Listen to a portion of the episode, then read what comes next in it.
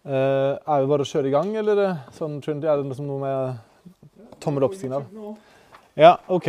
Da er det jo eh, en glede å ønske velkommen til eh, GT-overblikk 1.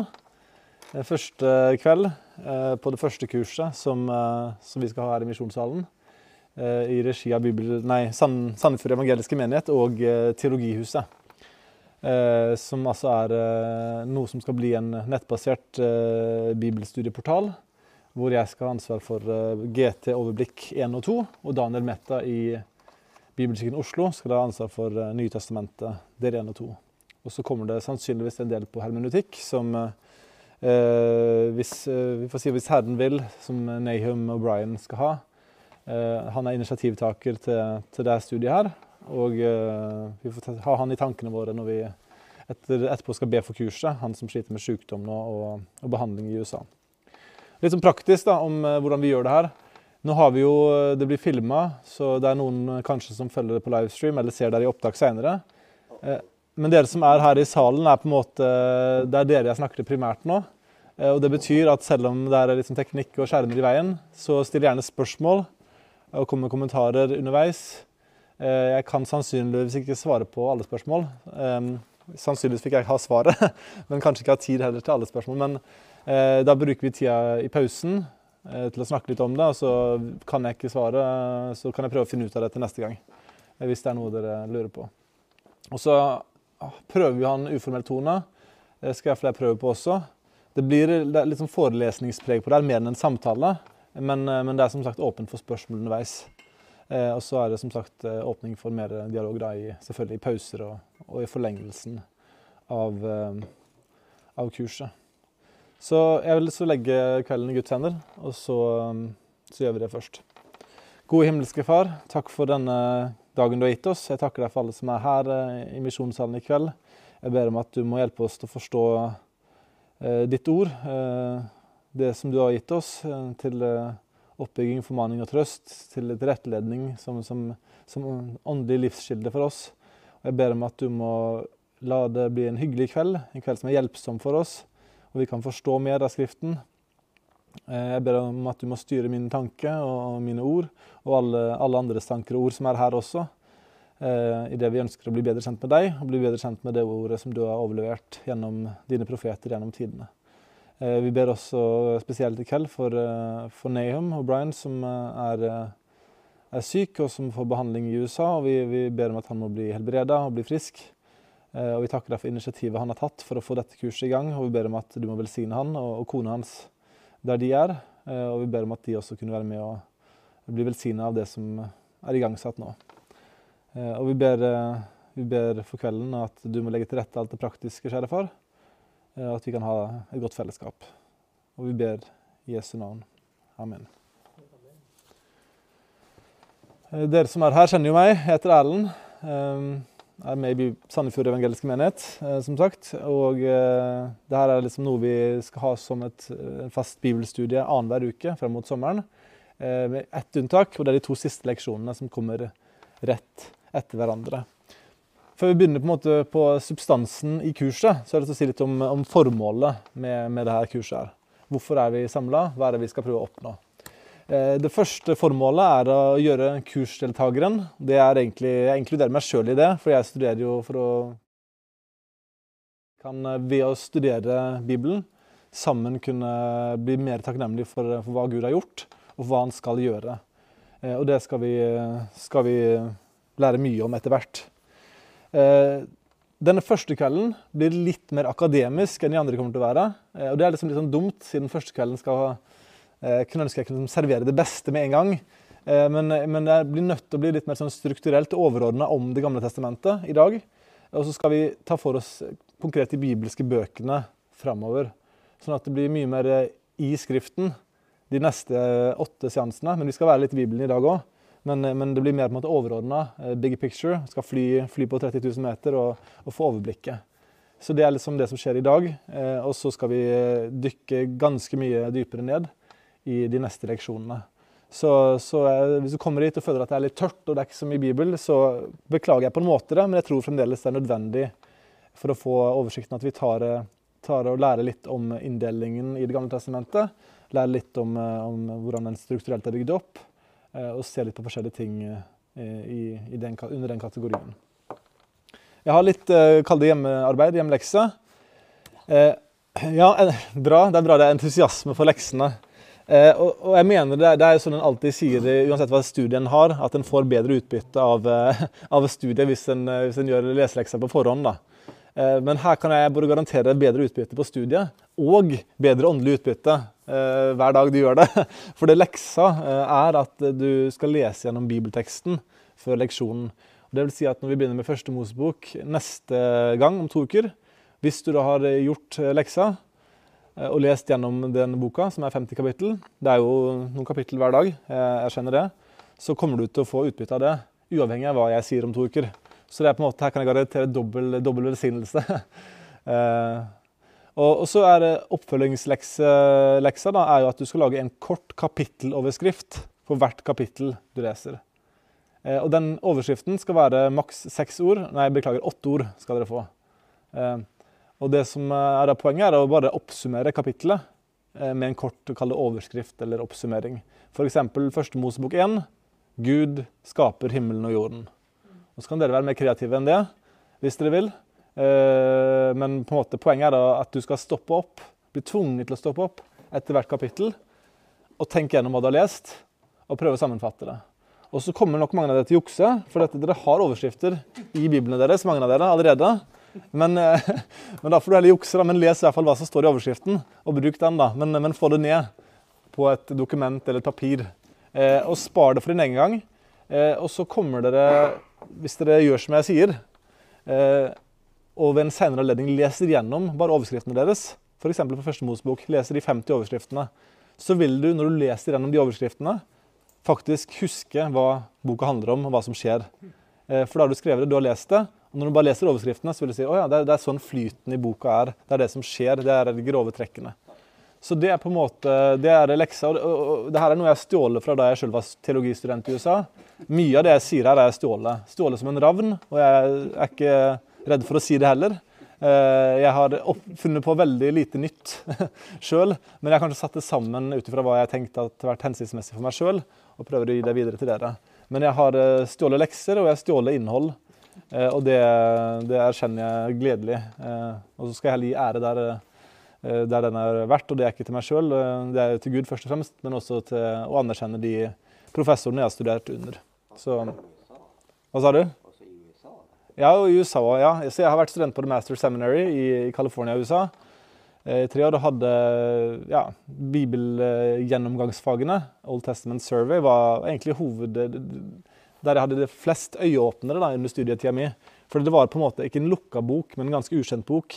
Og jeg håper da at jeg kan være med å videreformidle litt av den entusiasmen og gleden jeg sjøl opplevde under studiet, gjennom dette studiet her.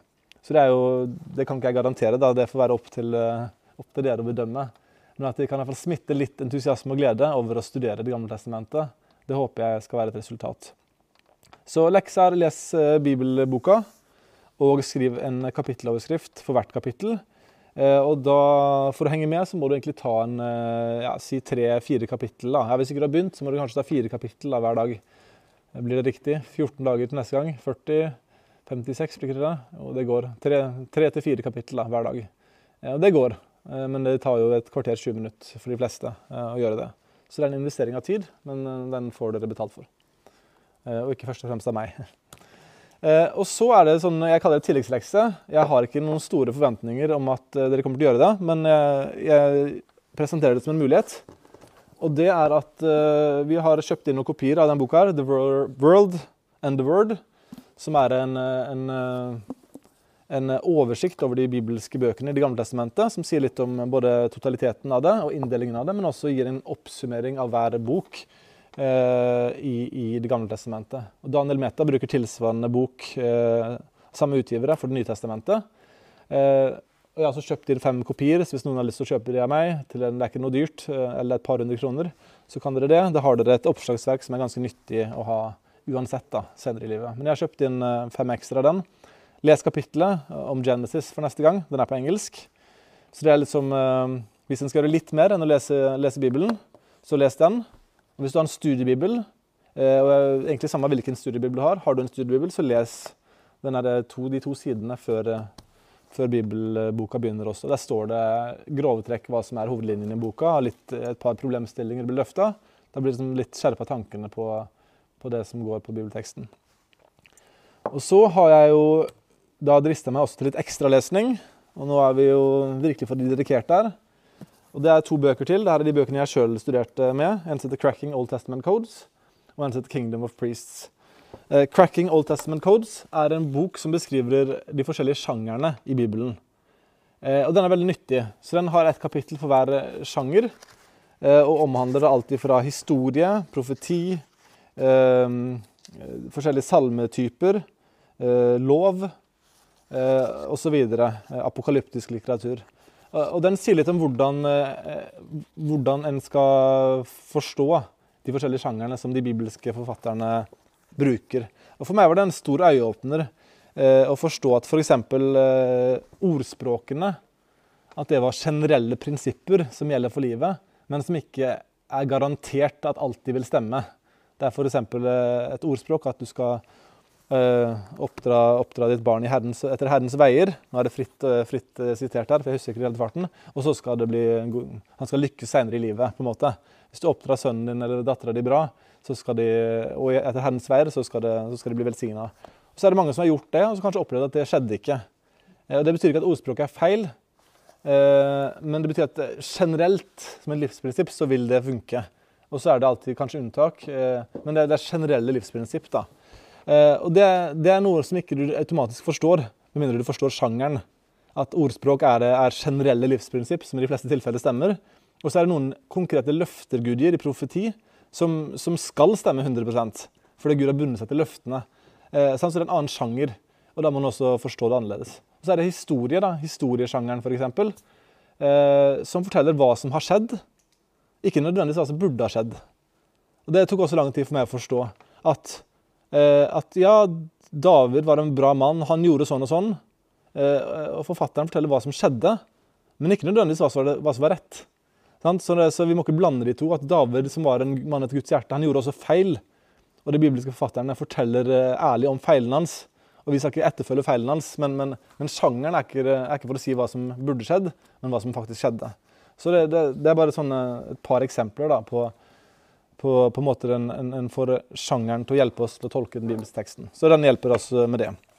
Og så er det 'Kingdom of Priest', som er en, eh, en, en, bibelsk teologi av Det gamle testamentet. Han prøver å fortelle hovedhistorien eh, gjennom, eh, gjennom, de bibelske bøkene. Eh, kjempebra bok, syns jeg, da. Men det, igjen, hvis dere, hvis dere, vil, så er i hvert fall de anbefalt. da. Der har ikke jeg kjøpt noen ekstra kopier, men det er link til bøkene på Amazon hvis noen er interessert.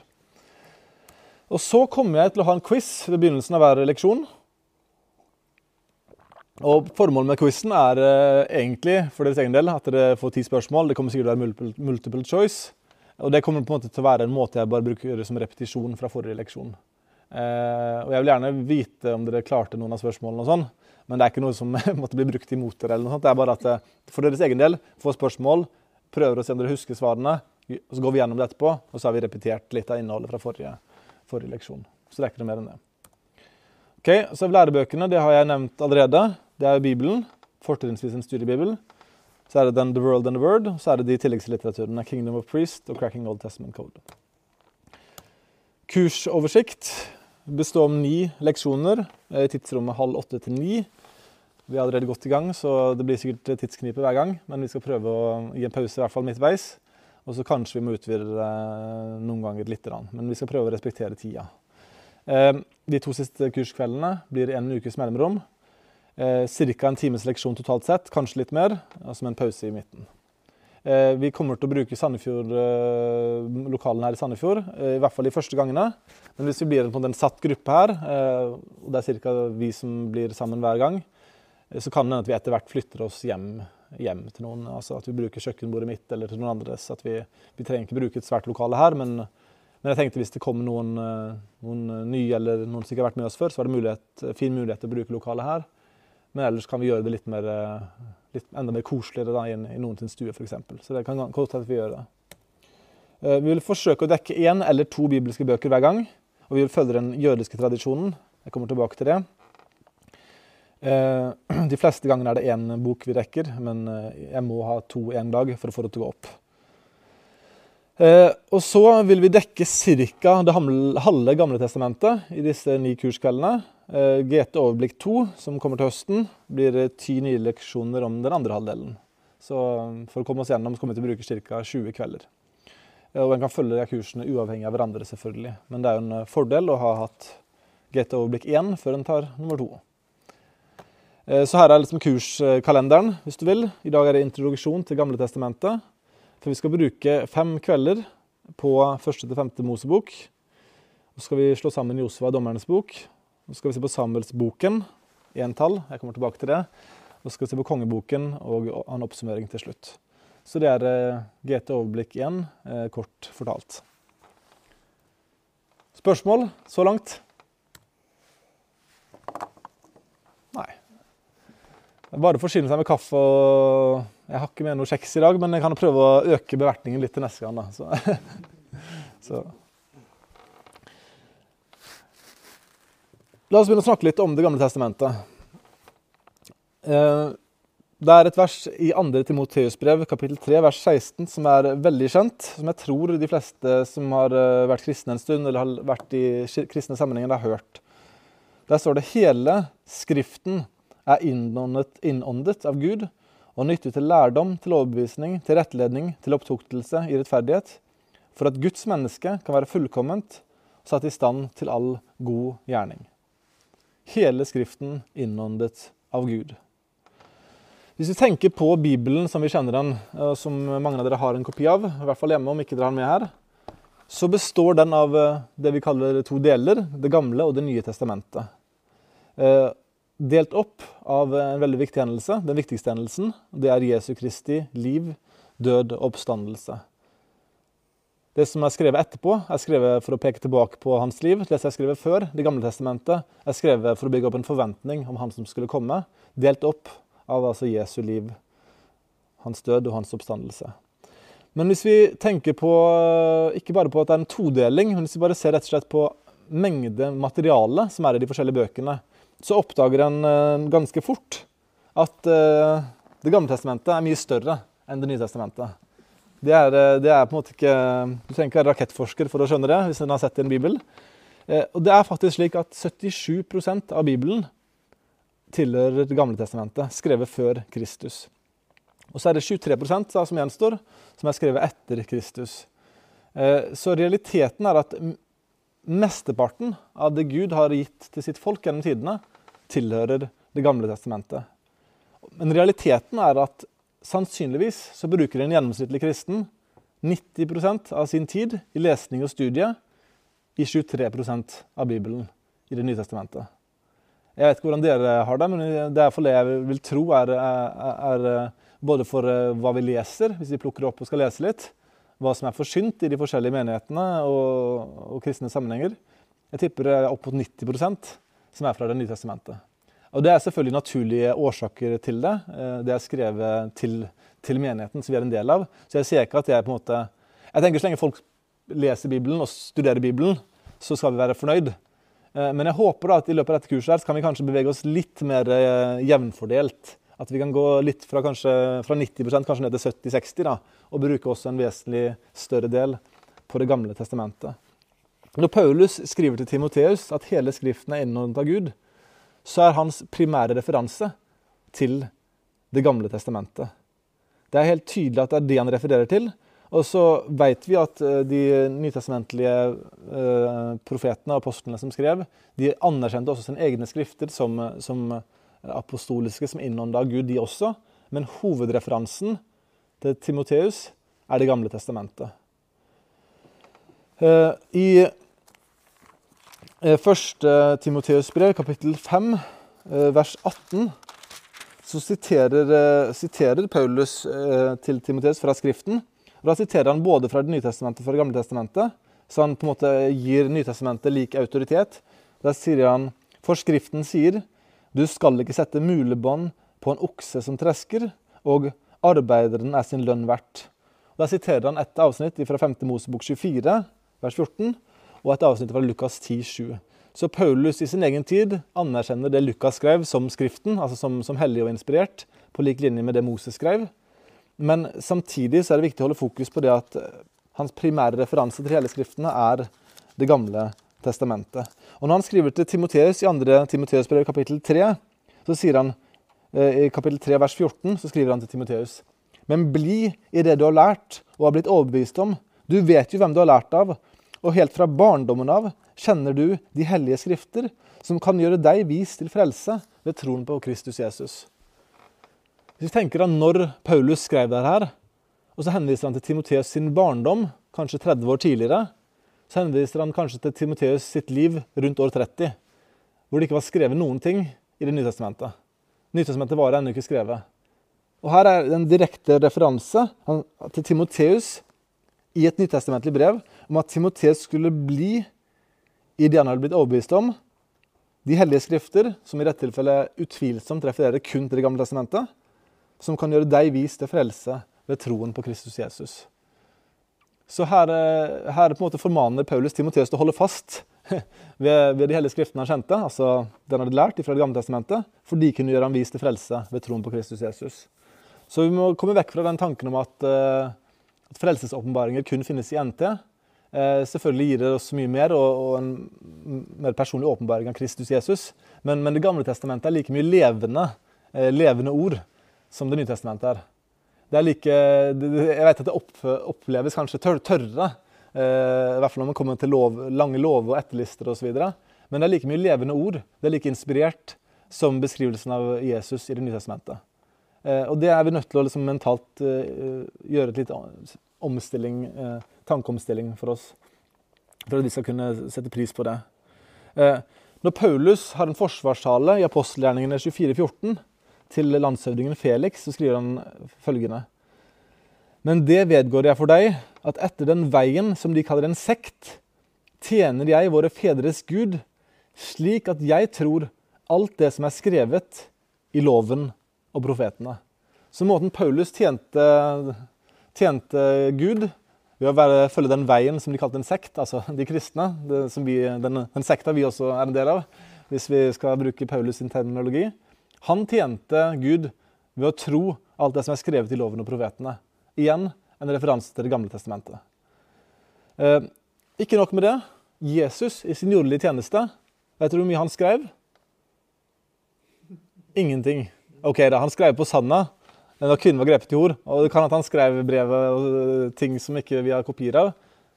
Jesus var veldig komfortabel med å bruke det som var skrevet før han, for å bevise hvem han var.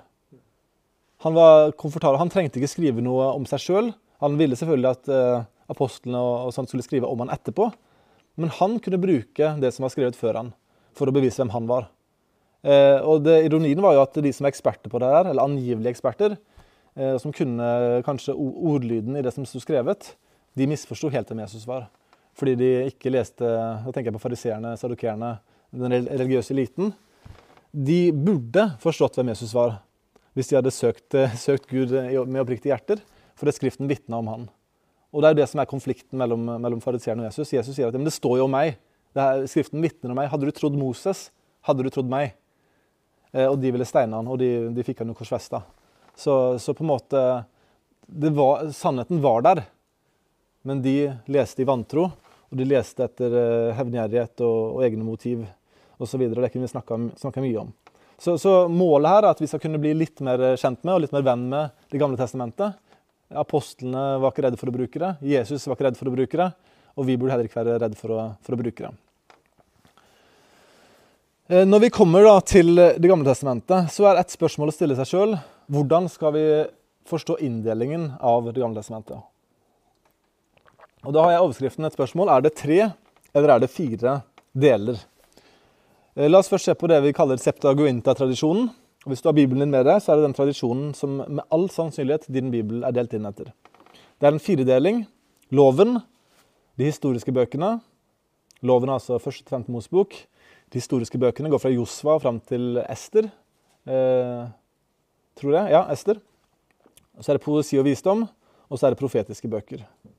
Og Det er inndelingen i, i hvert fall i min bibel, og da tror jeg i din, hvis du har den engelsk eller norsk eller Jeg tror det finnes noen eh, i hvert fall ikke noen vanlige bibler som har en annen inndeling enn det vi kaller eh, det jeg kaller Septuaginta-tradisjonen. Eh, og rekkefølgen på våre bibler i dag følger den rekkefølgen som, som de som oversatte det vi kaller Septuaginta, den oversettelsen de brukte, den rekkefølgen de brukte.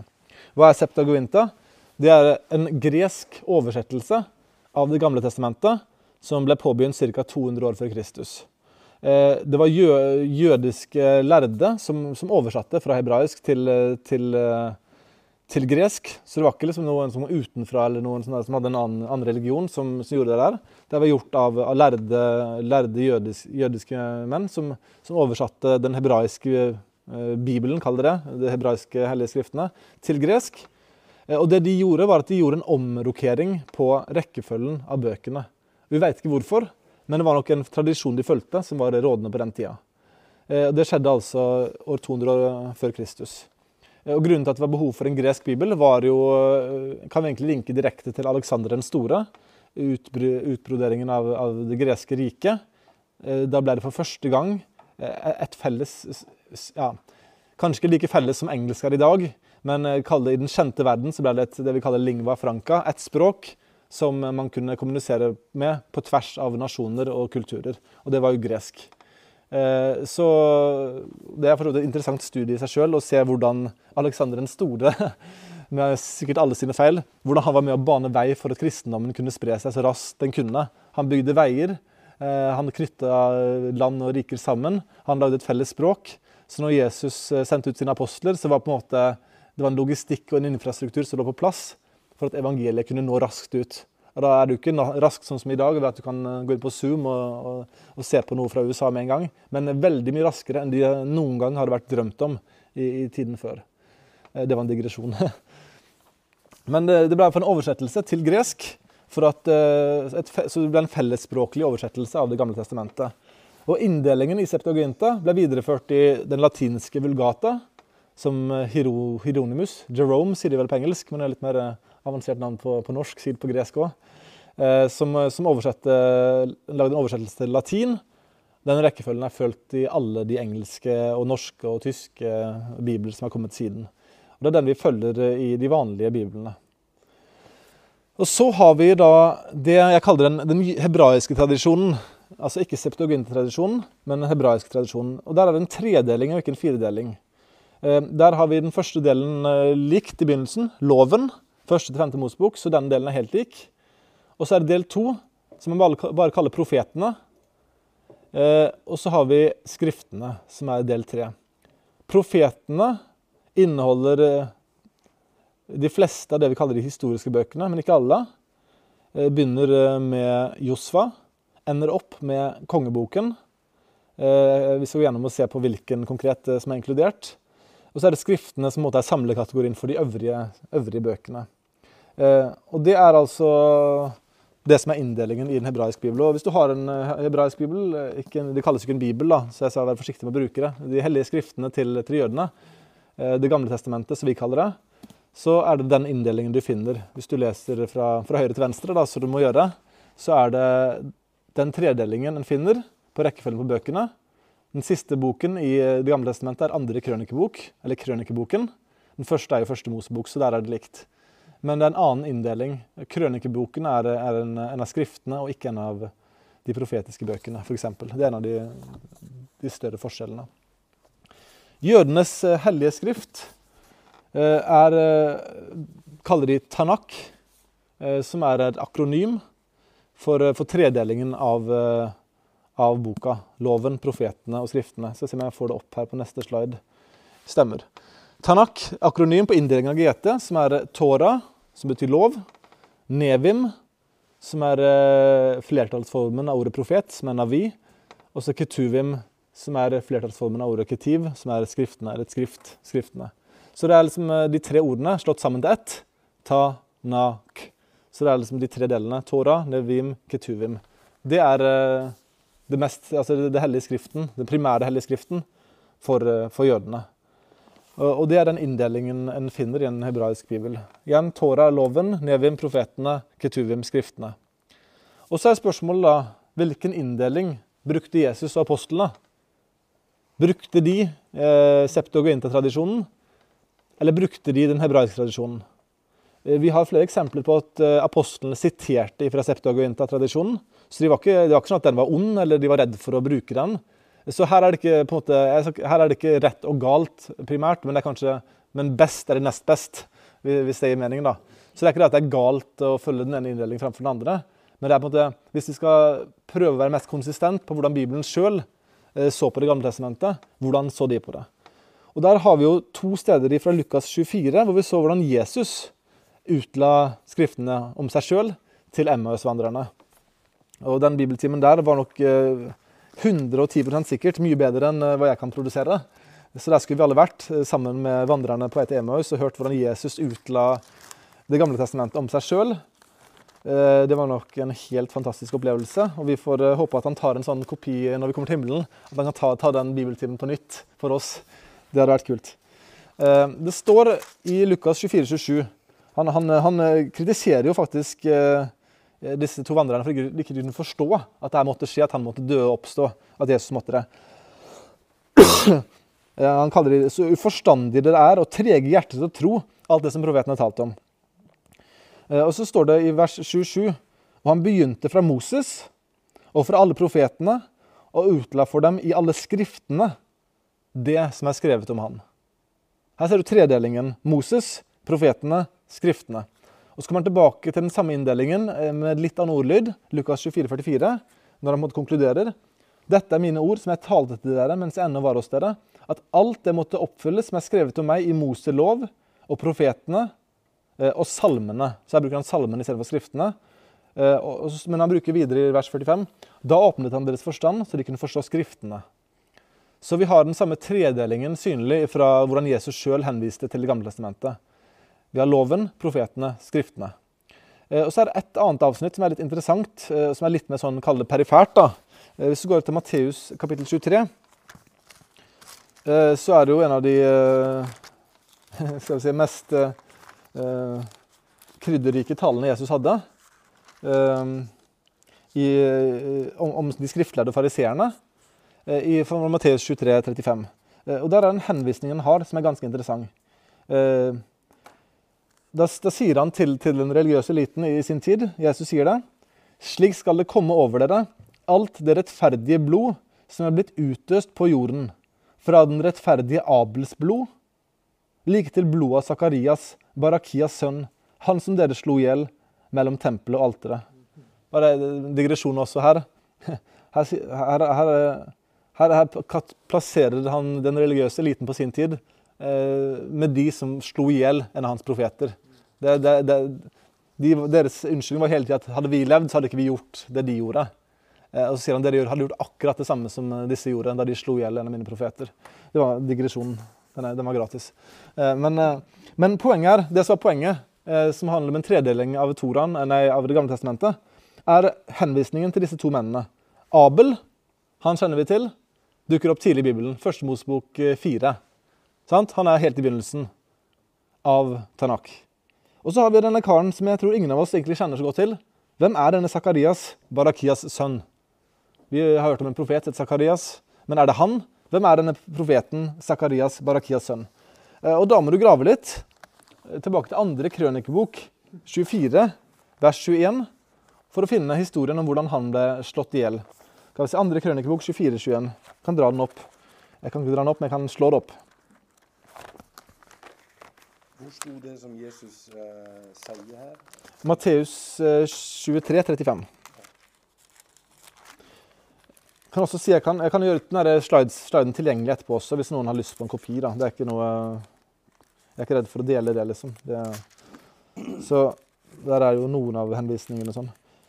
Eh, andre krønikebok 20, uh, skal vi se, nå falt jeg ut, 24-21. Da kom Guds, eller for å vers 20. Da kom Guds ånd over Zakaria, presten Jojaras sønn. eh, som var et annet navn for Barakias. Han sto fram for folket og sa til dem, så sier Gud, hvorfor bryter dere Herrens bud? På den måten kan det ikke gå dere vel. Fordi dere har forlatt Herren, forlater han dere. Igjen ekkoer til, til de religiøse lederne som, som, Jesus her putter i samme kategori som dem. Fordi dere har forlatt Herren, forlater han dere. Men de sammensverget seg mot ham og steinet ham på kongens befaling i forgården til Herrens hus. Ok, Så hvorfor er dette relevant? Jo, for i den jødiske inndelingen av Det gamle testamentet, av Tanak, så er andre krønikebok den siste boken. Ok? Så, og det, det tror jeg i hvert fall er grunnen til at Jesus sier helt ifra den rettferdige Abel, altså helt i begynnelsen, til Zakarias, Baragias sønn, som er slutten på deres hellige. Altså i, i, i, totaliteten av den frelsesmessige historien i Det gamle testamentet, fra første Mosebok 4 til andre krønikebok 24, altså den første og den siste boka, og alt imellom, så har dere oppført dere sånn. Eh, og Poenget er at eh, han her sannsynligvis, da, jeg, jeg mener at Jesus bevisst gjør det, plasserer andre krønikebok sist. Så det er liksom fra begynnelsen til slutten.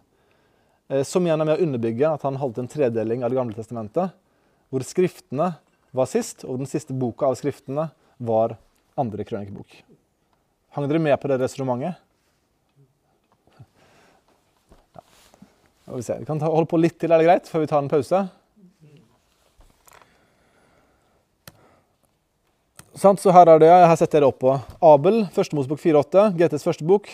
Zakarias, Barkias sønn, andre krønikebok 24, 19, 21. Det er GTs siste bok, hvis den følger den hebraiske tradisjonen. Så her har vi da opp, uh, her en opplistning av hvordan de forskjellige bøkene er plassert forskjellig. Josvas bok, Dommernes bok, Samuelsbøkene, eller boken, kongebøkene eller kongeboken, er plassert som historiske bøker i Septuagint-tradisjonen, men er blant de profetiske bøkene i hebraisk-tradisjonen. Og så har vi Ruths bok, krønikebøkene, eller boken, Esra og Nehemia, eh, Esters bok, Daniels bok, klagesangene, er plassert blant skriftene. Eh, og Der kommer det jo noen fra de historiske bøkene og noen fra de profetiske bøkene. i forhold til Septuagint-tradisjonen. Så man er plassert i litt forskjellig, og det er også rekkefølgen eh, de følger da, i, i Det gamle testamentet. Og Hvorfor er det viktig? Er det viktig? det, er super, det er ikke, superviktig, liksom. Det er ikke uh, Ingenting i nærheten av frelsen vår eller kanskje helliggjørelsen vår står og hviler på det her. Men det er litt viktig for å forstå hvorfor de forskjellige bøkene er skrevet. Når du leser gjennom Gamle Testamentet, og hvis du tar deg bryet med å lese gjennom andre, første og andre kongebok, og så leser du første og andre krønikebok etterpå, så tenker du her er bare masse repetisjon. Det er samme historien som blir fortalt to ganger. Men hvis du skjønner at de er skrevet med to forskjellige formål, på forskjellige tidspunkt og til forskjellig publikum, og så begynner du å sette pris på forskjellene.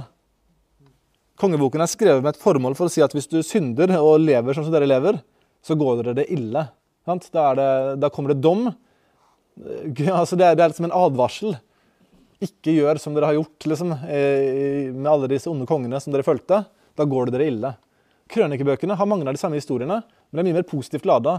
Mye mer fokus på de gode kongene. Det er mye snakk om tempelet, pressetjenesten, Eh, forventningene om Messias er gitt mye plass. Det er, det er håp om, altså det er mye mer eh, det optimistisk undertone. Og det er med å skape en forventning om Messias som skal komme og sette alt i rette stand. Det ene er en advarsel, det andre er en forventningsbok. Så selv om historiene er mye det samme, så er tonen i bøkene helt forskjellig. Og Derfor er de også plassert forskjellige.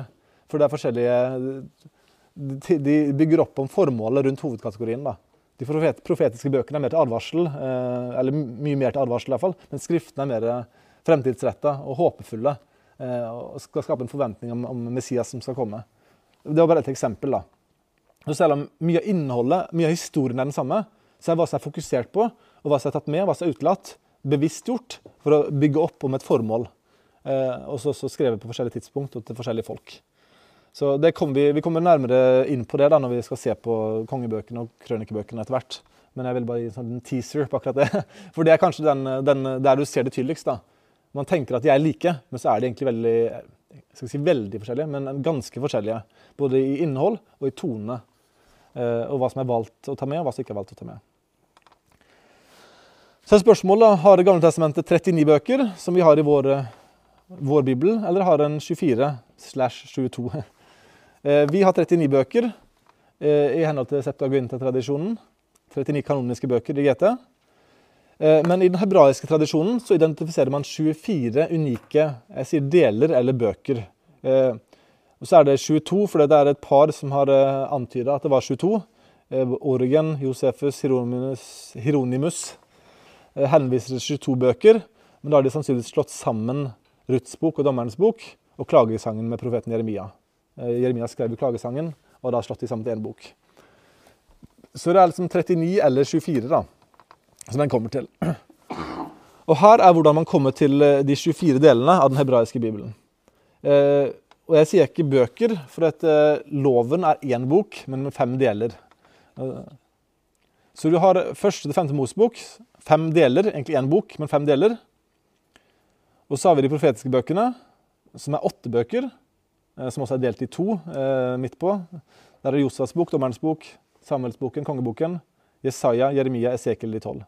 Der har du det man kaller det, de tidlige profetene og de senere profetene. Engelsk 'The Former and the Latter Prophets', delt i fire på hver. Og så blant the latter da, så har du the major og the minor.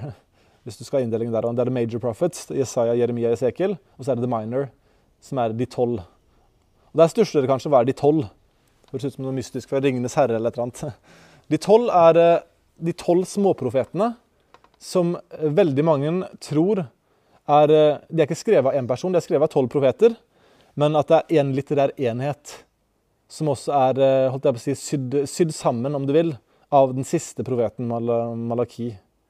Så, så, vi kommer nærmere mye tilbake til det. Det er tolv forskjellige profeter som skrev til sin tid og sitt publikum, men det er ett felles tema som går gjennom alle tolv, og det er en litterær struktur. Og det er egentlig ganske vakkert når en ser på det også, hvis en skal begynne å, å se litt på poesien her. Eh, så man mener at Malakias har ført det i pennen? Nei, nei at det er, de er, ført i pennen holdt jeg på å si, av de forskjellige profetene, men, ja. men Malakias har, har holdt jeg på å si, vært med å sette, sette det sammen i rekkefølge. da, inn, inn, i, inn i, i kanon, Og kanskje også skrevet sin siste bok holdt jeg på å si, basert på det som har skrevet før. Så han var med å sy sammen rekkefølgen. da. Eh, så det er jo skrevet av tolv forskjellige menn med forskjellige, litt forskjellige settinger og motiv. Men så er det noen gjennomgangstemaer som du ser hele veien gjennom. Eh, og, og, så tror jo vi at alle bøkene er skrevet av både en menneskelig forfatter og, og, og, Gud som forfatter. Og at det er på en måte en rød tråd som Gud har sydd sammen, og som eh, den siste profeten også har anerkjent eh, i plasseringen og, det han har skrevet. Eh, men klart, det kommer vi mye tilbake til. Og Der er folk også litt uenige i hvor stor grad en skal se på det som én en enhet. Men i den hebraiske tradisjonen så er det ansett som ett verk, men med tolv forfattere. da. Et verk med tolv forfattere. Og så har du de skriftene, som er elleve bøker. Og det som Ja, kan jo bare kommentere det igjen. Samuelsboken, én bok. Den ble delt opp, sannsynligvis pga. plass. Altså, Det er vanskelig å lage en, en skriftrull som blir voldsomt lang. Og Det er det samme med første til femte Mosebok også. Det er, det er, praktisk nesten umulig, i hvert fall når du ikke har eh, en PC og en printer. Eh, da, da er det praktiske hensyn som gjør at de måtte dele opp mange av disse bøkene. Eh, og Toraen, som er en veldig lang bok, ble delt opp i fem deler. Dommernes, nei, beklager, Samuelsbokbøkene delt opp i to. Kongebøkene, krønikebøkene, delt opp i to. Og så har vi Estra og Nehemia, som man også tror er én bok. Eh, og egentlig med én forfatter også, sannsynligvis. Eh, som er, men som også var delt opp i to. Eh, så det er på en måte der en, en slår bøker sammen. da. Men det er jo samme innholdet, sant? så det er det samme som står, uavhengig om man bruker en hebraisk inndeling eller en gresk, engelsk, norsk inndeling. Men strukturen er forskjellig. Sant? Så, det, så innholdet er jo det samme. Så, så, vi kommer tilbake til det når vi ser på de forskjellige bøkene, men det er på en måte det som er, eh, er hoved, hovedformen. Så da er vi egentlig gjennom, gjennom, det. Dere har blitt introdusert det vi kaller hovedinndelingen av Det gamle testamentet. Det vi kaller Det gamle testamentet. Tanak. Eh, våre norske engelske bibler følger Septuaginta-tradisjonen. Eh, men vi vil i kurset følge den hebraiske tradisjonen. Eh, for jeg tror det er litt mer i, i tråd med hva apostlene brukte, og jeg tror det kan være nyttig for oss eh, når vi skal se noen sammenhenger seinere. Eh, så er det litt mer tjenlig å se på det på den måten. Og når vi kommer til, til disse forskjellige bøkene I begynnelsen vil det være likt. Mosebøkene, loven, er lik om du følger den ene eller andre tradisjonen. Men når vi kommer til profetene og skriftene, så skal jeg bruke litt mer tid på å snakke om hvorfor det her har noe å si så er dere derfor informert om det, om ikke dere syns det er så veldig spennende. så jeg tror i hvert fall det har spiller en rolle. Um, OK, da tar vi en pause. Uh, skal vi ta et kvarters pause før vi begynner å se på, på Toran, den første delen av disse tre delene som vi skal bruke i dag. Jeg tror vi drar i gang igjen, og så uh, blir det en litt kortere bolk nå, men uh, det er en del å snakke om her òg. Så jeg skal prøve å tune ned farten litt. Eh, men eh, ja, jeg må nok holde, holde det gående for det. Det, det må Såpass ærlig må jeg være. La oss snakke om Toran, altså den, det vi kaller Mosebøkene. Den første delen av den tredelte Kall det de hellige skriftene nei takk, for, eh, for jødene, Tanak. Toran, loven. Bedre kjent som første til femte Mosebok for oss. Eh, og, og øh, når jeg bare skrev ned et par ting, så jeg er bevisst for å ville si det. Og det er det, er det som står her, at det er, det er tilnærma umulig for oss å overdrive viktigheten av Mosebøkene for frelseshistorien. Eh, en kan godt si det tr grunnfjellet, eh, ikke bare i Det gamle testamentet, men i hele Bibelen. Eh, I Det gamle testamentet så vil israelsfolket om og om igjen bli konfrontert av profetene pga. deres ulydighet, manglende lydighet til Toraen, loven. Eh, og når, når Jesus står fram og folk spør seg hvem han er, eh, så er folk opptatt av er han den som profetene, og da tenker de også inkludert på Moses, er den som Moses har talt om. Eh, er han den som holder tåraen, holder det Moses har skrevet og gitt til oss? Er han en ekte sønn av jødenes stamfar Abraham osv.? Eh, og vi vet at Jesus selv stadig henviste til loven, til Toraen, som bekreftelse på hvem han selv var. Han konfronterte den religiøse eliten for å være vantro til Moses, som de sa at de fulgte i tykt og tynt. Og Det er de kjente versene i Johannes 5,46 hvor Jesus sier Tenk ikke at jeg vil anklage dere hos Faderen. Den som anklager dere, er Moses, han som dere har satt deres håp til. For hvis dere trodde Moses, så hadde dere trodd meg. For det er meg han har skrevet om. Men hvis dere ikke tror hans skrifter, hvorledes kan dere da tro mine ord? Johannes eh, 5, 46. Og Hvis vi bare tar et steg tilbake og tenker på, på, på Toraen, på, på Mosebøkene, eh, så er det mye å besvare, også fra vårt perspektiv, de mest eksistensielle spørsmål en kan ha. Hvor kommer vi fra? Hvorfor er jeg her? Hvor mange, hvor mange skjønn er det? holdt jeg på å si? Gud skapte dem til mann og kvinne. I sitt bilde skapte han dem til mann og kvinne. skapte han dem. Altså det, det, det er sånne spørsmål som blir svart. Mandatet for mennesket. Fylle jorden og bli mange. Mannen skal forlate sin far og sin mor og være med sin hustru. Altså Helt grunnleggende ting i skaperordningen har vi i begynnelsen av Toraen, fra første Mosebok, egentlig én og, og to. Så bare der har vi på en måte en gullmine som, som vi trenger å bli minnet på, i hvert fall i disse tider, om ikke vi har trengt det før. Samtidig så må vi anerkjenne at det er, det er grunn, grunnlaget for tre verdensreligioner. Ikke bare eh, kristendom og jødedom. Eh, islam bruker jo også i hvert fall kall det en omjustert om, om versjon, da. men de bruker i hvert fall mye av de samme skriftene som er i, i det vi kaller Toraen. Så det er på en måte i verdenshistorien så er det et veldig viktig skrift. Det forklarer hvordan mennesket fra Adam og til nå skal leve, rett og slett. I, i, i selvfølgelig grove trekk, men i viktige trekk som vi i, vårt samfunn stadig glemmer, eh, tydeligvis. Så, så, på en måte her er det, det er ganske viktig, eh, viktige bøker vi har med å gjøre her. Eller viktig bok, da, som jeg skal argumentere for ganske snart. Og I tillegg er det, er grunnfjellet i bibelsk teologi og frelseslære. Både Jesus, Paulus og de øvrige apostlene henviste hyppig til innholdet i Toraen, i, i, i loven.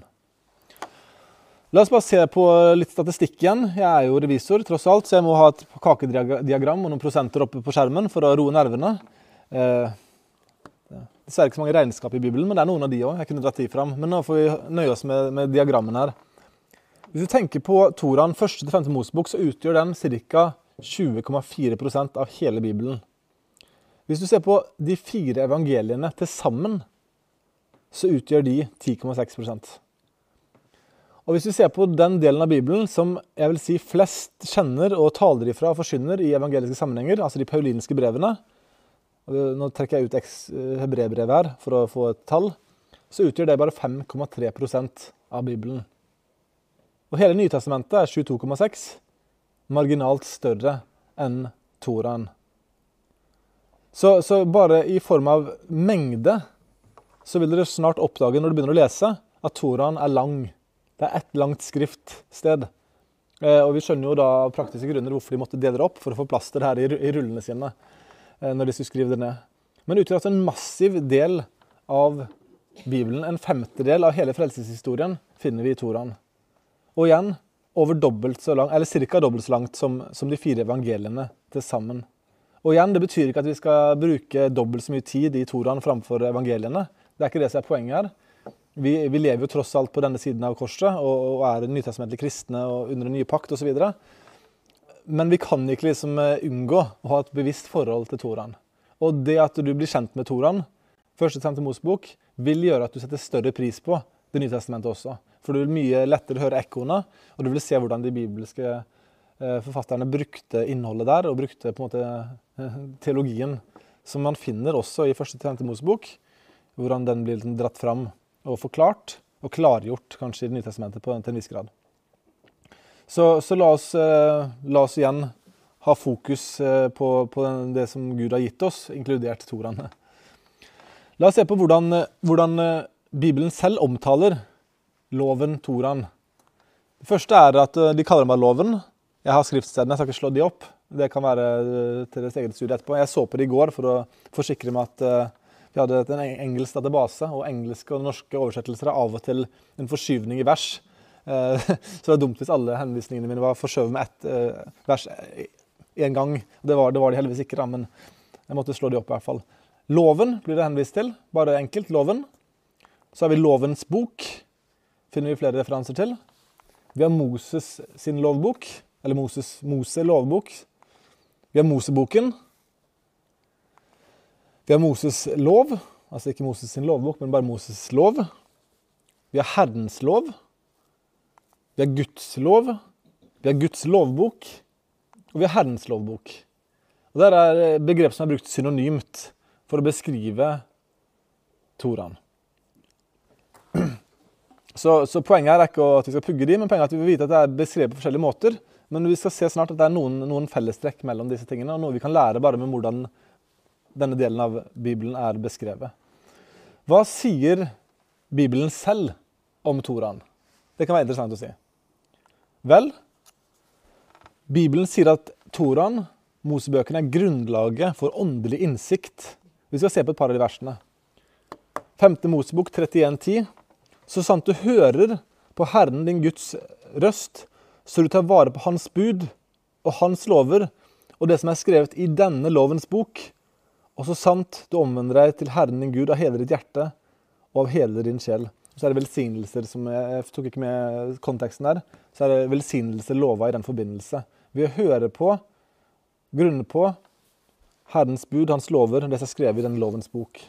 Moses da henviser til sin egen, sitt eget verk. Vi har Josva 1,8, hvor Josva blir gitt et mandat som den nye lederen av Israel, israelsfolket. Denne lovens bok skal du ikke, skal ikke vike fra din munn. Du skal grunne på den dag og natt, så du akter vel på å gjøre alt det som er skrevet i den. Da skal du ha lykke på dine veier, og da skal du gå klokt fram. Så Gud velsign, lover velsignelse ved å følge den, og han lover også å gi visdom gjennom den. Du skal gå klokt fram. Og Så har du Salme 1, 1-3 hvor salmisten faktisk primært refererer til Toraen. Salig er den mann som ikke vandrer i gudelige folks råd, ikke står på synderes vei, og ikke sitter i spotteres sete, men har sin lyst i Herrens lov, og grunner på Hans lov dag og natt. Han skal være like tre plantet ved rennende bekker, gir sin frukt i rett tid, i sin tid, og dets blad visner ikke. Og alt den gjør, skal han ha lykke til. Her er salmisten som sier at grunn å studere Toraen, så skal du bli velsigna av det.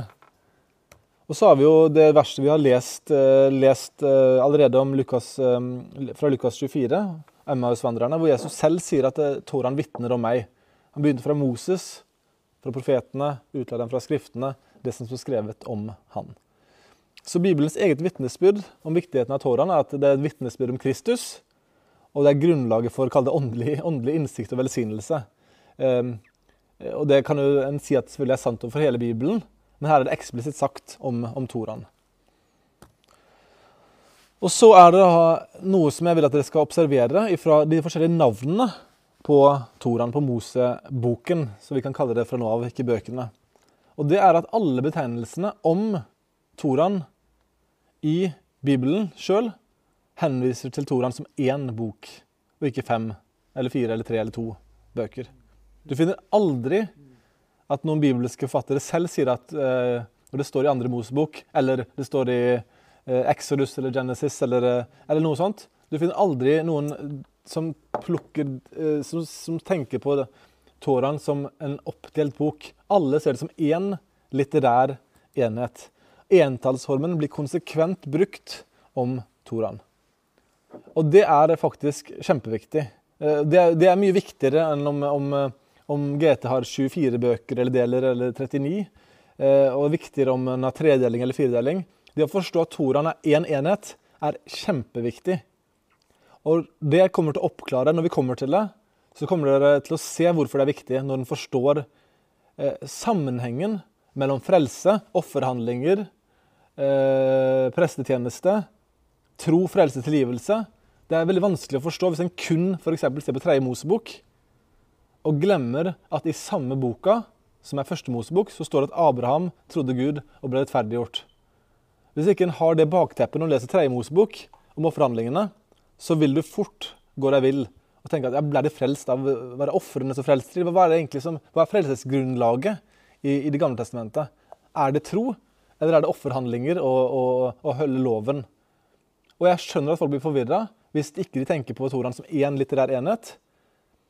Men hvis en forstår det som en enhet, som er skrevet til ett folk i én situasjon, som skulle få med seg alt som sto der, så er det mye lettere å forstå teologien også om det som kommer og berører frelse, helliggjørelse osv. Men da må en se på det som en enhet, og ikke som oppstykka deler som kan leses eh, uavhengig av hverandre. Eh, så det kommer jeg tilbake til seinere, men det er altså kjempeviktig. Eh, og glemmer du alt annet fra den kvelden her, så husk det. Første til femte Mosebok. Toraen er én bok. Én litterær enhet, skrevet av én person, i hvert fall primært, til ett publikum med én hensikt. Ok? Enhet. Det er enhet i Toraen. Jeg kunne egentlig gitt meg der, men jeg skal ikke gi meg. Men, eh, men husk det. Det er, det én bok, så om du glemmer alt annet, husk det. Og Så kommer vi til spørsmålet, da. Eh, Hvem skrev Toraen? Og Vi kaller det jo Mosebøkene. Og vi som er eh, naive, enkle kristne, vi tror at, eh, ja, vi tror at det er selvfølgelig Moses som har skrevet den. For det, der, eh, det står i Mosebøkene i vår bibel. Og, Moses sjøl sier at han har skrevet den, og andre sier i Bibelen at han har skrevet den. Og vi skal fortsette å være naive, enkle kristne, for det var Jesus, og det var apostlene. Og det er Bibelens eget selvvitnesbyrd om forfatteren av Toraen.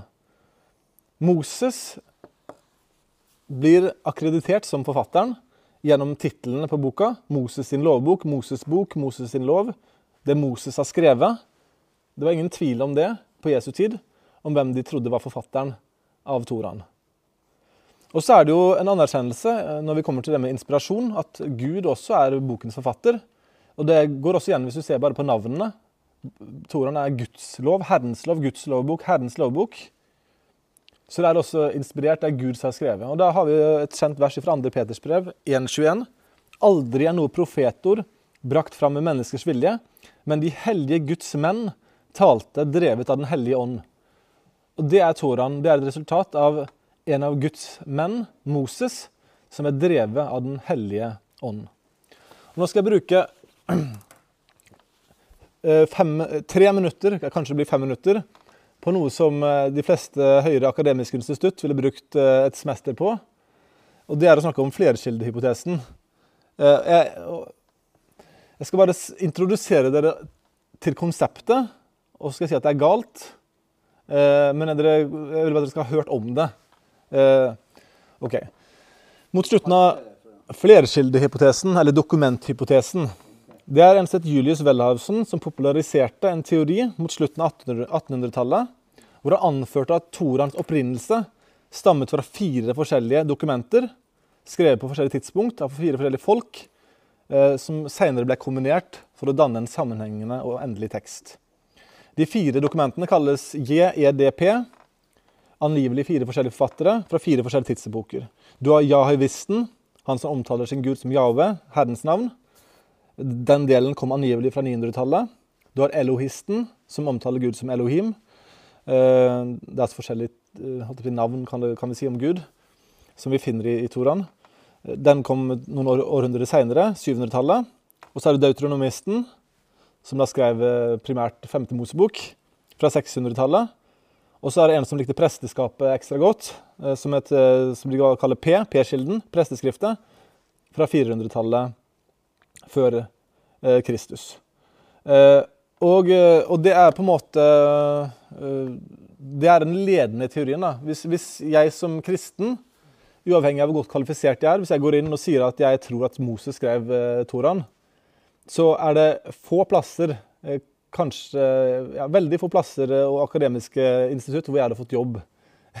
bare fordi jeg er så dum og enkel at jeg tror at Moses har skrevet, skrevet Toraen. Så det er bare sånn eh, Jeg veit om konkrete tilfeller av folk som har eh, kasta vrak på troen sin. Kall det barnetroen sin, i hvert fall.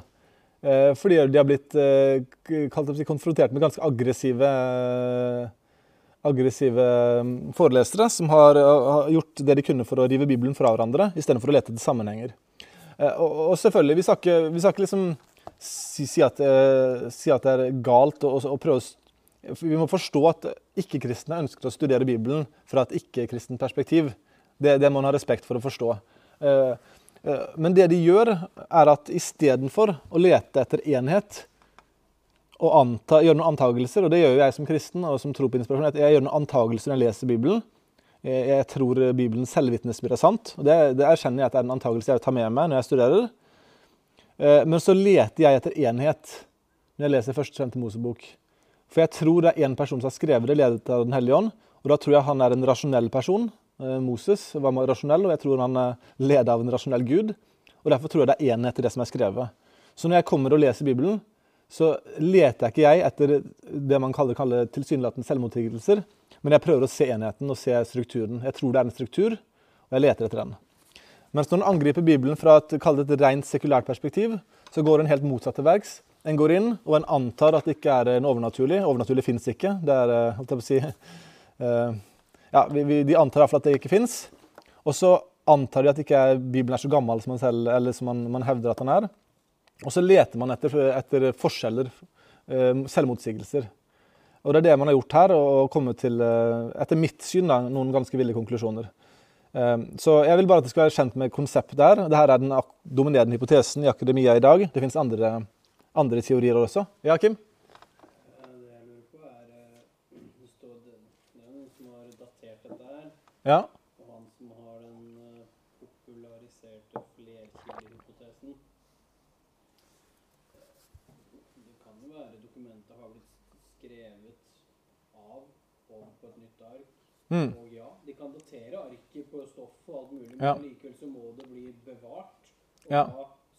eksempel, vi har jo nå kopiert opp dette her i mm.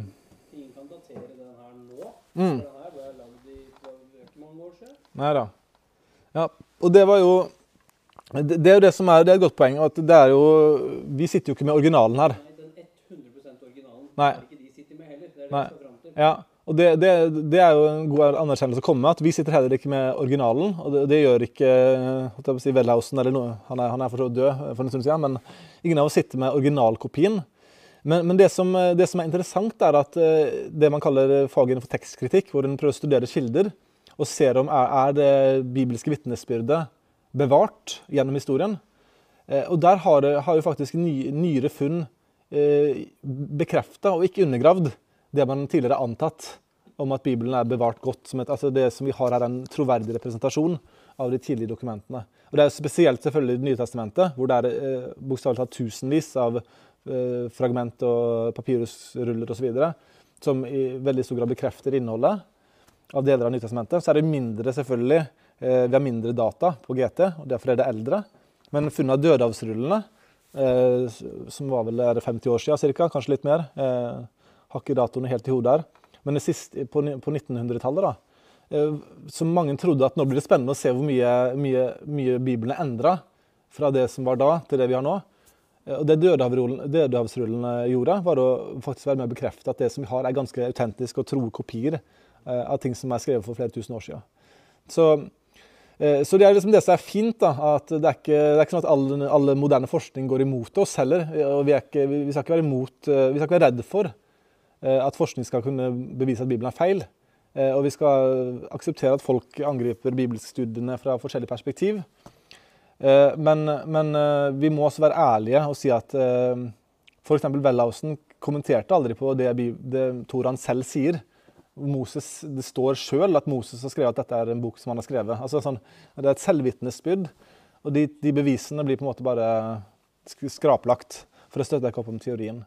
Men han bruker jo andre På de nyeste utgavene, 2017-utgavene, så bruker de jo annen type ord på norsk. da. Ja, så over... Er Ja.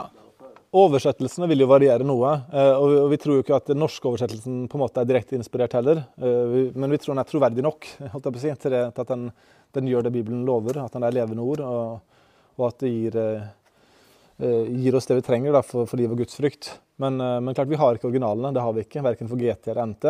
Men vi har veldig troverdige kopier, og vi har ikke funnet noe som indikerer at vi sitter med feil versjon, holdt jeg på å si. Eller en korrupt versjon. er? Er Ja, Originalen er med all sannsynlighet eh, holdt jeg på å si, eksisterer ikke lenger. med all sannsynlighet. De er sannsynligvis smuldra opp og, ødelagt. Det vet vi jo ikke, da. Ja, altså Vi har ingen av originalkopiene av noen av disse bøkene, men vi har gamle, vi har funn fra første århundre. Så vi har, vi har ting som kan være direkte avskrifter og sånn. Men eh, vi tror ikke vi har noen originaler. Det tror vi ikke. Eh, Men det kan hende at det fins bevart, men det, det, det vet vi ikke. For.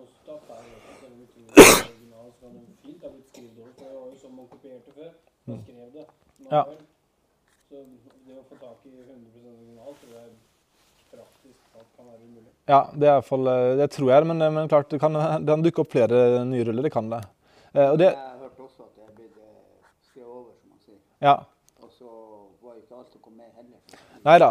Det, det ser du nå. Det er jo skrevet over manuelt. sant? Enten at en person har lest en skrevet, skre- skrevet for hånd, eller at eh, det senere var litt mer det kalte moderne, hvor det var en som leste opp høyt, og de satt eh, flere skriftlærde i en sal og kopierte diktat, rett og slett.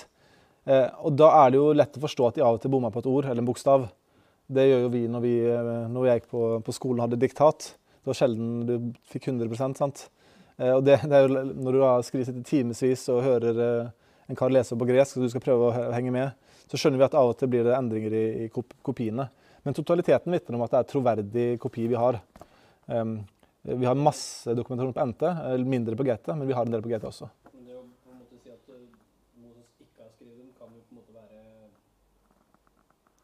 Ja, ja han kan fint ha skrevet dem, men allikevel så vil du ikke finne ut av det Nei, nei vi finner ikke det bevisen at uh, Vi finner ikke originalen. Men Bibelens selvvitnesbyrd, som også vi tror er tro, historisk troverdig, er jo at uh, vitner jo klart om at Jesus og apostlene trodde uh, at Moses hadde skrevet det. Og, det. og vi tror at Josva, Josva trodde Moses hadde skrevet det. Og vi kan gå gjennom Bibelen at alle Det er på en måte en sånn skjede da, ved at uh, alle i Bibelen sjøl trodde, trodde i hvert fall at Moses hadde skrevet det.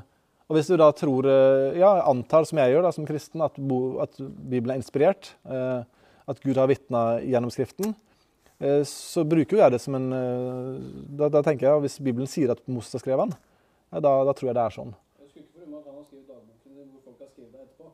Ja, ja. ja, sant, det, ja og det, det har jo skjedd, og det, det har jo blitt, det har blitt kopiert over osv. Så- Jesus tid når Jesus var der. Hva sa du? Ble skrevet på Jesus tid når Jesus var etterpå, eller? Eh, evangelien eller Moseboken? Nei, nå tenker jeg Det må jo ha vært skrevet en del i den tida Jesus levde òg. Ja da, altså Evangelien er jo skrevet i tida, ti årene etter Jesus levde. Eh, Det tidligste kanskje på 40-50-tallet. eh, Og opp til Johannes, som skrev evangeliet sitt kanskje år, eh, nærmer seg år 90, kanskje. Så det er jo det er den perioden hvor Nytestamentet er skrevet. da.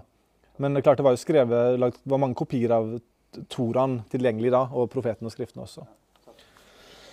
Så, så jeg, er, jeg er jo kritisk mot flerkildehypotesen. Altså, jeg er ikke kritisk til at jeg kan studere Bibelen på den måten, men jeg er kritisk til at eh, det skal være noe som, uh, som skal være oppbyggelig for kristne i, i bibelstudiet sitt.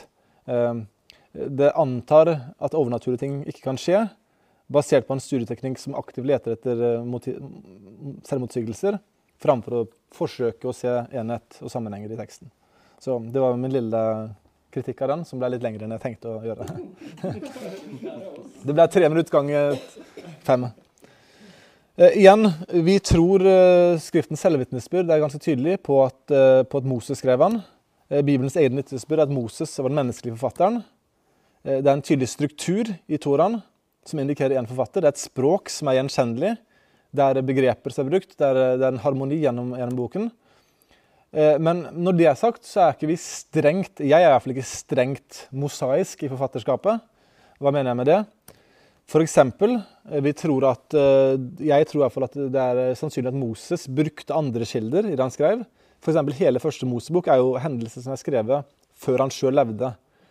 Noen tror at det var direkte åpenbaring fra Gud, at Gud bare dikterte og han skrev. Jeg tror ikke det var sånn det fungerte. Jeg tror Moses brukte de kildene som var tilgjengelige, dvs. Si muntlige overleveringer og kanskje skriftlige overleveringer, som han eh, drevet av, inspirert av Den hellige ånd, skrev eh, feilfritt og nøyaktig ned. Men eh, jeg tror ikke det var på en måte diktat fra himmelen. Det tror jeg ikke. Men det kan være. Jeg skal ikke si at det ikke var sånn heller. Jeg tror det er sannsynlig at han brukte kilder for å beskrive hendelsene som skjedde før han ble født. Og så er det jo 15. Mosebok 34, som omhandler ting som skjedde etter han døde.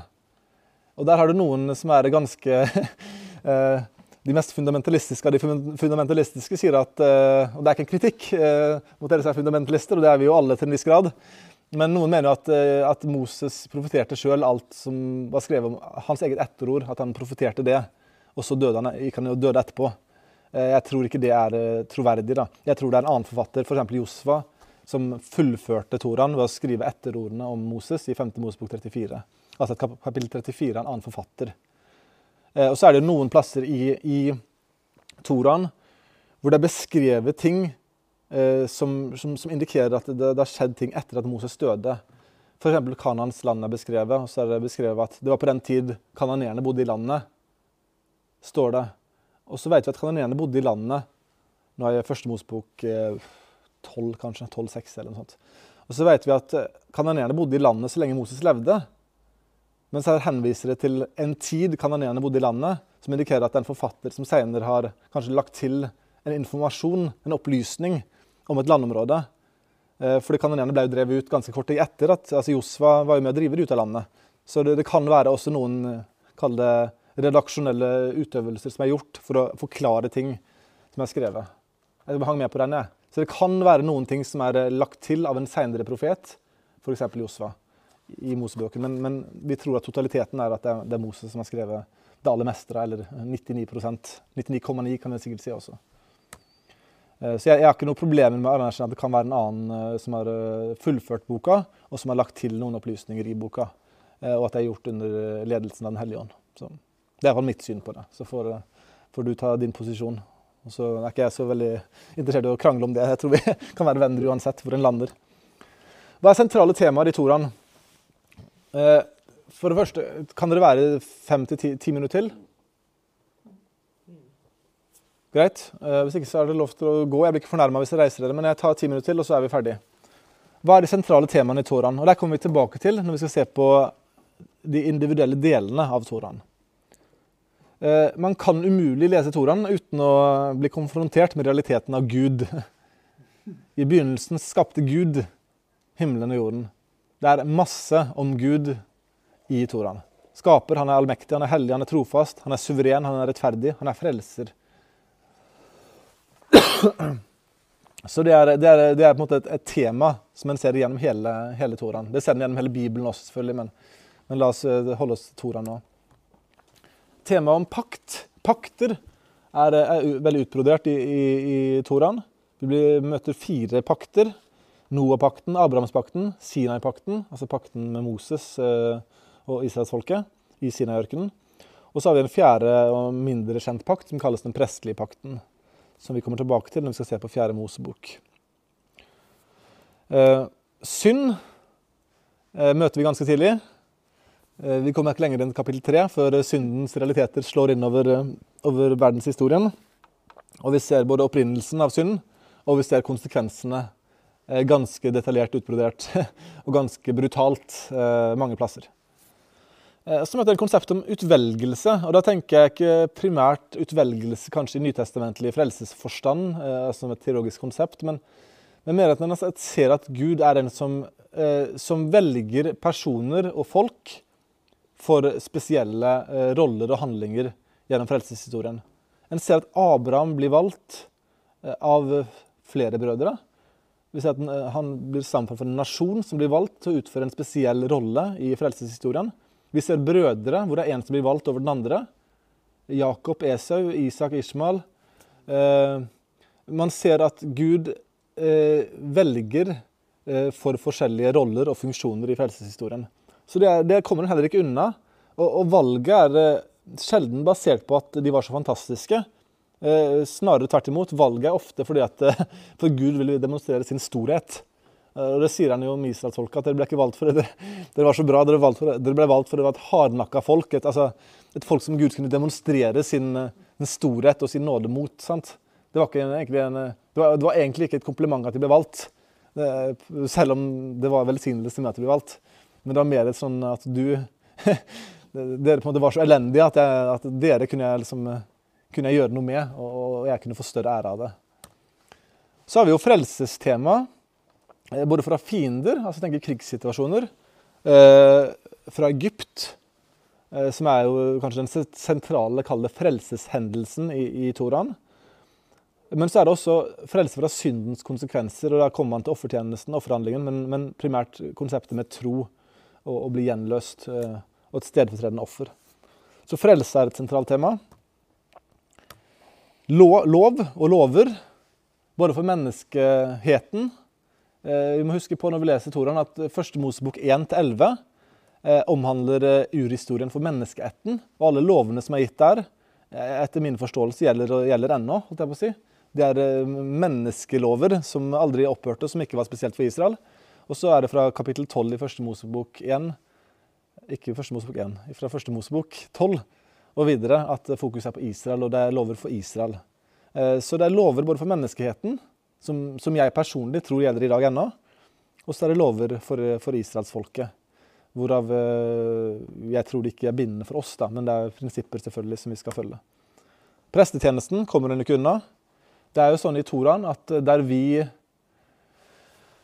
Hvis du leser gjennom første til femte Mosebok, der du begynner å slite, er der, er der en god jøde begynner å gni seg hendene og glede seg.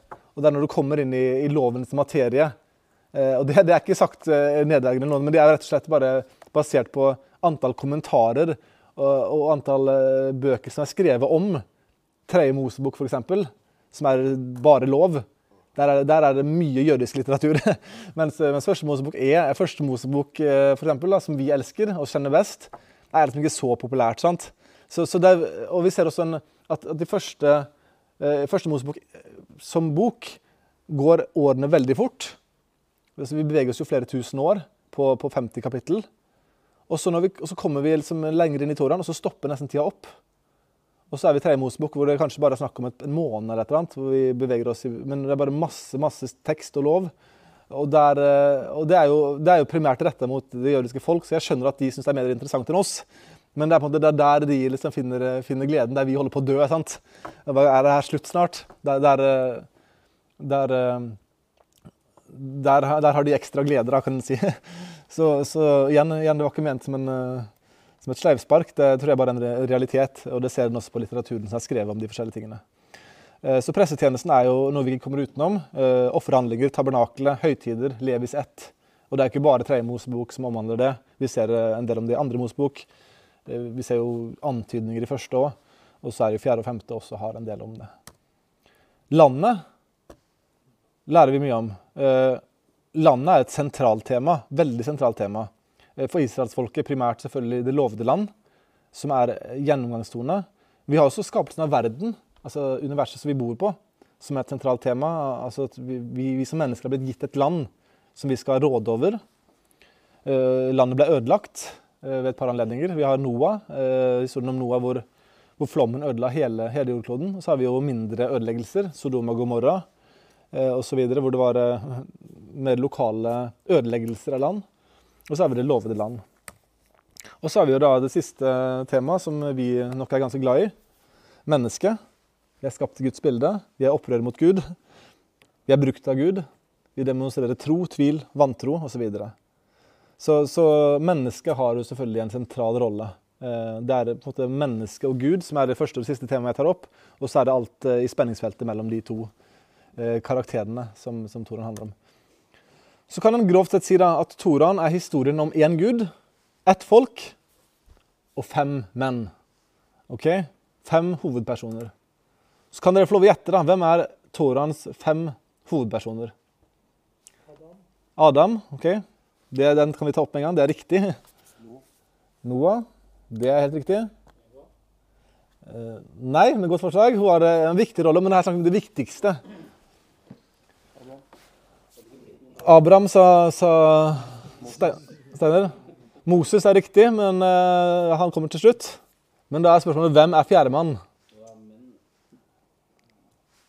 Ja, det kunne vært kvinner, da, men det er dessverre mennene. Eller kanskje ikke dessverre. det er, Realiteten er at det er mennene som får mest plass. da. Så vi har Adam, vi har Noah, vi har Abraham. Hvem er fjerdemann?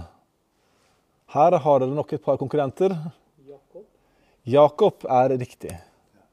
Og Moses. Og så er spørsmålet som kanskje du har, hva med Isak? Hva med Josef? Som blir gitt eh, kanskje rundt ti kapittel mot slutten av, av, av, um, av første Mosebok.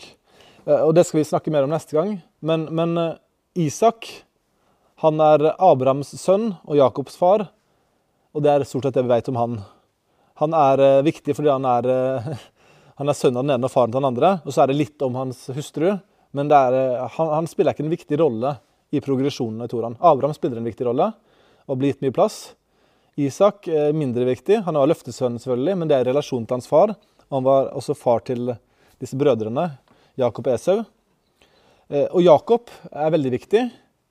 Eh, Og historien om Josef eh, er egentlig ikke historien om Josef, det er historien om Jakobs sønner, hvor Josef er den mest fremtredende. Men det er også et kapittel dedikert til Juda.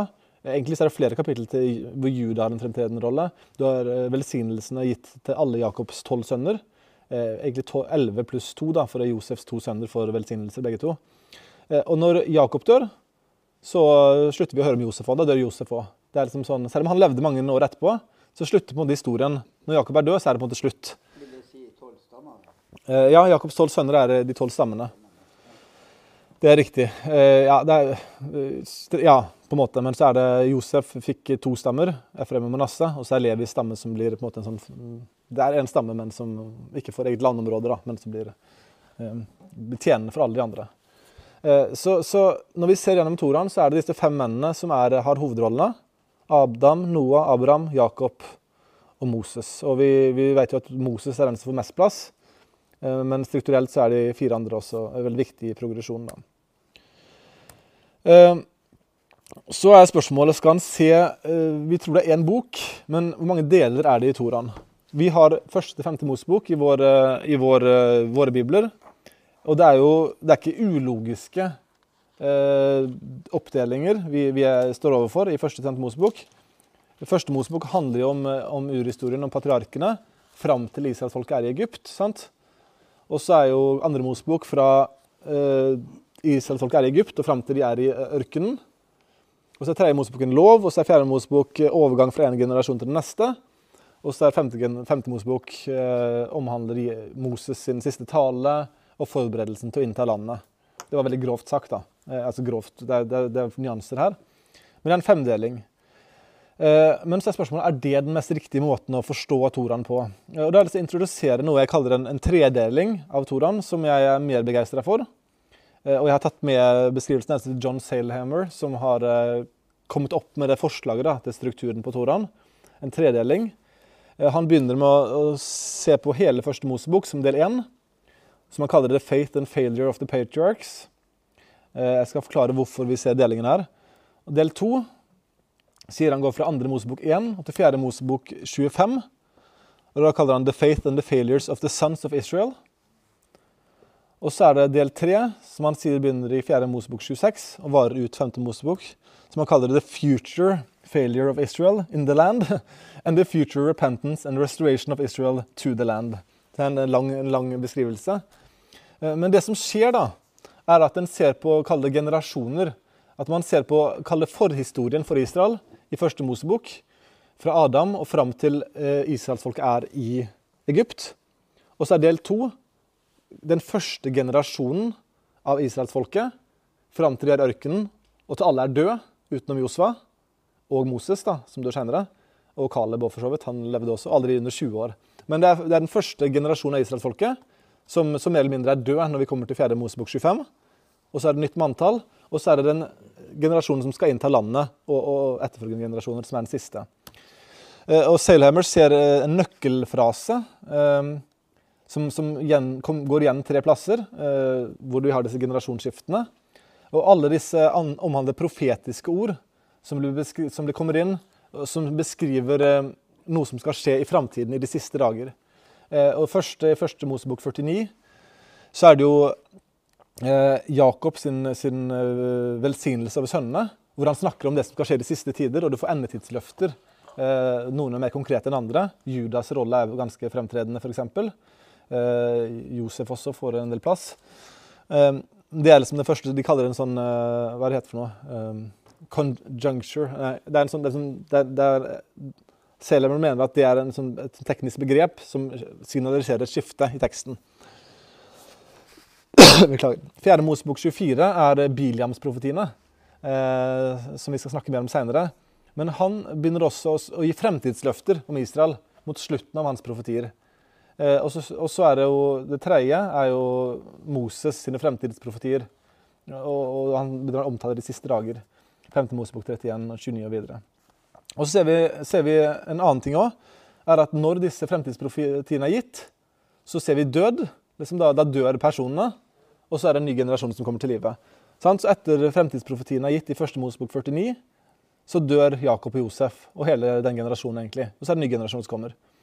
Og, og etter at fremtidsprofetiene til Biliam er gitt, i 4. Mosebok 24, så er det jo synden med midjanittene som kommer rett etterpå. Og så er det en nytt manntall, for da er hele første generasjonen død. Så det er på en måte, første generasjonen er død, det er fremtidsprofeti, død, og så ny generasjon. Og så er det jo den tredje, personen som dør, er jo Moses selv. Eh, som konkluderer Toran ved at han dør i 5. Mosebok 34. Så det er, det er jo bare en, det er en hypotese, en, kall det en teori, eh, men jeg tror den er, eh, når vi kommer til det, så tror jeg det er, eh, vil være mer nyttig for oss å forstå Toraen som en tredeling, ikke som en femdeling. Nå er vi nesten til veis ende. Her er en purpose statement som er gitt igjen på, engelsk. Det tok meg ikke bry med å oversette den, den hadde sikkert blitt ganske dårlig. Eh, og Det er liksom den purpose statementen jeg, holder til sjøl når det kommer til å forstå Toran som enhet. Hva er poenget med Toran? Det kalles the kingdom understanding. God chose Israel as the seed of Abraham to be the priestly nation that would restore mankind to its proper role as rulers for God over his created earth. Ok, Så det er liksom purpose statementen. Og så er det hvilket avsnitt er det som bygger opp om denne purpose, altså denne formålsparagrafen for Toran. Og Det er to avsnitt. Det første er første Mosebok 1, 26-28. Eh, som jeg tror vi alle er enige om at er veldig viktig, eh, viktig vers eh, for hele menneskeheten og for oss. Da sa Gud, la oss gjøre mennesker i vårt bilde etter vår lignelse. De skal råde. og Her kommer det at de skal rule, eller være, være Guds representanter på jorda. Det, det konseptet blir introdusert her. De skal råde over havets fisker, over himmelens fugler, over fe, over all jorden, over hvert kryp som rører seg på jorden. Gud skapte mennesket sitt bilde. Guds bilde skapte han det. Til mann og kvinne skapte han dem. Og Gud velsignet dem og sa til dem, vær fruktbare og bli mange, fyll jorden, legg den under dere, og råd over havets fisker og himmelens fugler, over alt levende som rører seg på jorden. Så Gud har satt mennesket gitt mennesket en unik rolle, annerledes enn dyrenes rolle. Vi er kalt til å på en måte regjere på jorda som hans representanter. Og så vitner jo historien om at vi ødela det, mislykkes ganske heftig i det oppdraget. Men det er fremdeles måte, vårt kall som, som menn, menn, menn, og kvinner er å regjere over jorda. Eh, holdt jeg på å si, Legge jorden under oss, fylle den, eh, kultivere den. Eh, vi skal ikke være styrt av dyrene, vi skal, vi skal kontrollere de. på en måte. Vi, vi har et myndighetsmandat eh, under Gud, selvfølgelig, men over skaperverket for øvrig. Eh, så det er liksom, Vi er Guds representanter. Han er kongen med stor, med stor K, og vi er på en måte hans eh, regenter da, på jorda. Og så er det konsept nummer to her, som, som, eh, som er tatt mer enn definisjonen, fra andre Mosebok 1946. Dere har selv sett hva jeg har gjort med egypterne, og hvordan jeg bar dere på ørnevinger og brakte dere til meg. Dersom dere nå virkelig vil høre min røst og holde min pakt, da skal dere være min eiendom framfor alle folk, for hele jorden er min. Dere skal være et kongerike av prester for meg og et hellig folk. Og Her får vi tatt det mandatet om å regjere på jorda, spesifisert det, Vi skal være representanter for Gud. Ikke bare at vi skal regjere over jorda, men vi skal være altså prester for Han. Være formidlere av hans, eh, hans evangelium, om du vil. Vi skal være et hellig folk som tilhører Han og representerer Han. Så det er på en måte det man kaller kingdom understanding, basert på disse to, to versene primært. Og som han sier her er Hovedformålet med Toraen det er å bygge opp under at det her er kallet for Guds folk. Primært Israel, kan en si, i, i Toraen, men, men, det er jo også mandat til, til Noas ett, som vi også er en del av her. Eh, og, og, dette mandatet er i høyeste grad relevant for oss også. Og dette er et konsept som blir plukka opp i Det nye testamentet, eh, i Peter, som vi for eksempel leser nå eh, på søndager. OK, det var, det var det. Da ble det litt lengre enn jeg sa. Men da kom jeg iallfall gjennom, og det Beklager. Og Det gjør at vi kan begynne på blanke ark, ikke blanke ark, men da kan vi begynne med Første Mosebok og se på den neste gang. Og Da blir det mer Bibel, og det blir en litt kortere leksjon. Eh, og jeg skal prøve å ha litt lengre pause sånn òg, da. Spørsmål, kommentarer? Nei. Da gir vi oss, eh, gir vi oss der. Men vi kan godt snakke, da. Men eh, da, da, da avslutter vi liksom det formelle. Takk for at du hørte på denne prekenen. Ønsker du mer informasjon, besøk sandefjordevangeliske.no eller vår Facebook-side Sandefjord evangeliske menighet.